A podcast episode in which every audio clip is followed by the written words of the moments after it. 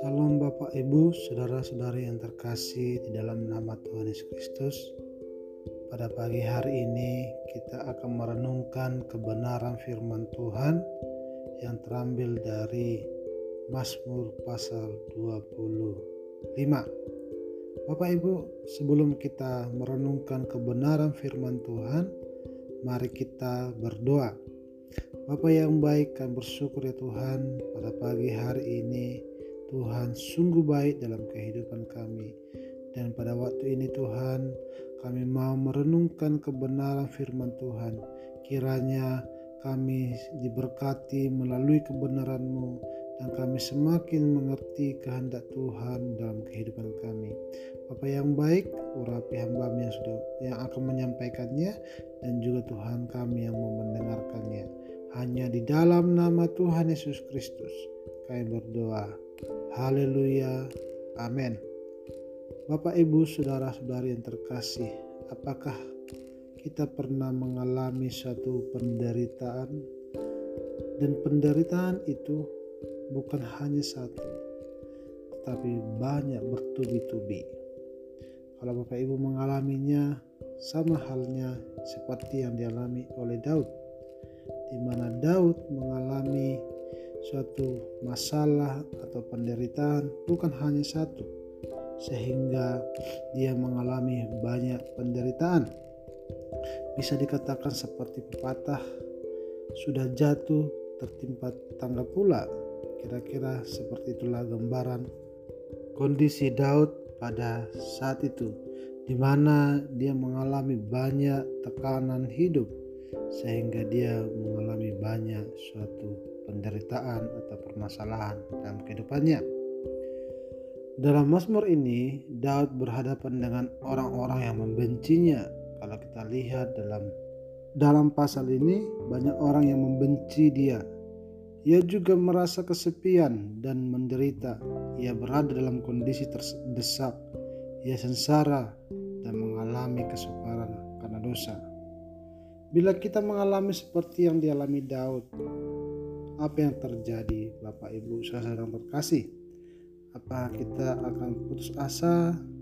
Apa kita akan mengeluh? Atau mungkin kita marah kepada Tuhan? Namun ada sesuatu yang sangat menarik dalam diri Daud. Daud tidak merespon seperti itu.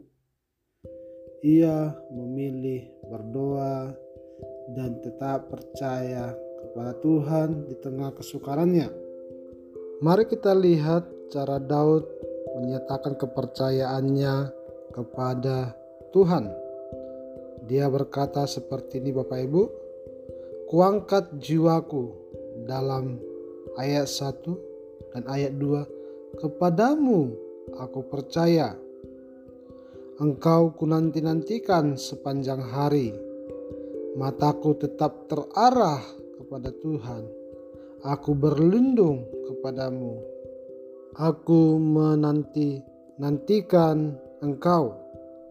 Mengapa Daud tetap percaya kepada Tuhan di masa sukar? Dan pertanyaan juga bagi kita, kenapa kita harus percaya kepada Tuhan waktu kita mengalami kesukaran, penderitaan, kesulitan-kesulitan dalam hidup? Kenapa Bapak Ibu? Mari Bapak Ibu berpikir sejenak. Kita tahu bahwa Daud kenapa dia percaya kepada Tuhan. Dia mengenal Allahnya. Itu Allah yang kita sembah juga Bapak Ibu Saudara-saudara terkasih. Ia mengenal bahwa Allah adalah penyelamat, penuh rahmat dan kasih setia yang memberi kebaikan yang bergaul dekat dengan orang yang takut akan dia. Itu ada dituliskan Bapak Ibu dalam ayat-ayat uh, dalam ayat-ayat pasal 25 apa yang dikatakan di sini siapa orang yang takut akan Tuhan? Kepadanya Tuhan menunjukkan jalan yang dipilihnya. Orang itu sendiri akan menetap dalam kebahagiaan dan anak cucunya akan mewarisi bumi Tuhan bergaul karib dengan orang yang takut akan Dia dan perjanjiannya diberitahukannya kepada mereka. Di sini dikatakan Bapak Ibu Saudara-saudara terkasih bahwa Tuhan dekat dengan orang-orang yang takut akan Dia, yang peduli pada sengsara umatnya. Kepada Tuhan yang demikian, Daud berserah. Di sini kita melihat Bapak Ibu, di mana dia mengenal dengan baik siapa Allah yang dia sembah, siapa Allah yang dia percaya oleh karena itu, di tengah kesesakannya, Daud mencari Tuhan, terbuka pada ajarannya, memohon pengampunannya dikala dia bersalah di hadapan Tuhan, dan berharap pada penghiburan dan kekuatannya. Meski situasi hidup menyesatkan dada, yang membuat kita susah bernapas, susah untuk bergerak dalam kehidupan ini tetapi Daud tetap percaya bahwa Allah akan menolong hidupnya. Bahkan kepercayaannya itu membuat Daud berseru kepada Tuhan untuk membebaskan umat Israel dari segala kesesakannya. Bapak, Ibu, saudara-saudara yang terkasih, saya hanya mau mengatakan yang terjadi dari dulu sampai saat ini. Kebanyakan, tidak semua, Bapak Ibu orang percaya kepada Tuhan, waktu dia mengalami tekanan hidup, mengalami suatu penderitaan yang hebat, mereka malah mengah kecewa kepada Tuhan, menyalahkan Tuhan. Itu hal yang salah, Bapak Ibu. Berarti kita tidak mengenal siapa Tuhan kita. Kita tidak mengenal seperti apa Tuhan kita. Oleh sebab itu pada hari ini saya katakan kepada Bapak Ibu, saudara-saudari yang terkasih yang mendengarkan renungan ini. Kenallah Tuhan kita. Belajarlah siapa Tuhan kita sebenarnya. Seperti apa Tuhan kita, sifat-sifatnya seperti apa. Waktu Bapak Ibu dan juga saya, saudara-saudara yang terkasih, mempelajari Tuhan, pasti kita tidak pernah kecewa, tetapi kita semakin percaya kepada Tuhan yang menjadi Allah kita yang menyelamatkan kehidupan kita. Dalam menjalani hidup, pengenalan kita terhadap firman-Nya dan pengalaman kita bersamanya akan memupuk kepercayaan dan kasih kita kepadanya. Oleh sebab itu Bapak Ibu, mari kita sungguh-sungguh merenungkan kebenaran firman Tuhan yang kita renungkan setiap pagi dan juga waktu kita renungkan di setiap komsel-komsel ibadah umum bagi anak-anak muda ibadah ibadah kaum muda renungkanlah kebenaran tersebut yang sampai yang disampaikan oleh hamba-hamba Tuhan atau Bapak Ibu saudara-saudara sendiri yang merenungkannya di dalam rumah. Supaya apa? Supaya kita semakin mengenal Tuhan. Dan supaya apa? Dan supaya kita semakin percaya akan Tuhan, akan kasihnya sehingga kita selalu menanti nantikan Tuhan. Bapak Ibu kita mengetahui Mazmur Daud atau Daud sendiri dia mengalami banyak tekanan dan bahkan ada dosa-dosa yang dia lakukan dan dia menyatakan dosa-dosanya di hadapan Tuhan. Dia minta pengampunan kepada Tuhan. Dia minta supaya Tuhan mengubahkan kehidupannya. Dan pada akhirnya Tuhan bekerja dalam kehidupannya. Sehingga kita tahu bagaimana perjalanan Daud. Dia sangat mudah sudah Tuhan pilih untuk memimpin Israel. Dan kita tahu dalam semasa hidupnya ada banyak hal yang dia lakukan yang mungkin dalam pikiran manusia tidak bisa. Tapi waktu Tuhan bekerja dalam kehidupannya dan waktu dia percaya kepada Tuhan dan terus mengandalkan Tuhan, itu menjadi mungkin. Bapak Ibu, saya mau kasih tahu kepada kita, dalam kehidupan ini tidak ada yang mulus seperti jalan tol.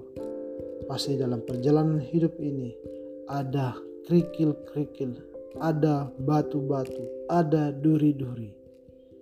Dan apakah waktu kita melewati kerikil, batu-batu, duri-duri membuat kita semakin percaya kepada Tuhan?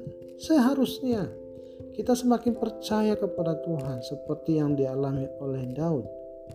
Dia menanti-nantikan Tuhan, dia berdoa kepada Tuhan, dia percaya kepada Tuhan dan dia katakan di dalam perikop yang kita bacakan, dia benar-benar mengenal siapa Allahnya. Jadi Bapak Ibu, mari semangatlah mencari Tuhan. Semangatlah untuk terus berdoa, terus menanti-nantikan perbuatan Tuhan terjadi dalam kehidupan kita. Dalam kondisi apa pun, baik atau tidak baik, tetap kita percaya kepada Tuhan. Amin Bapak Ibu.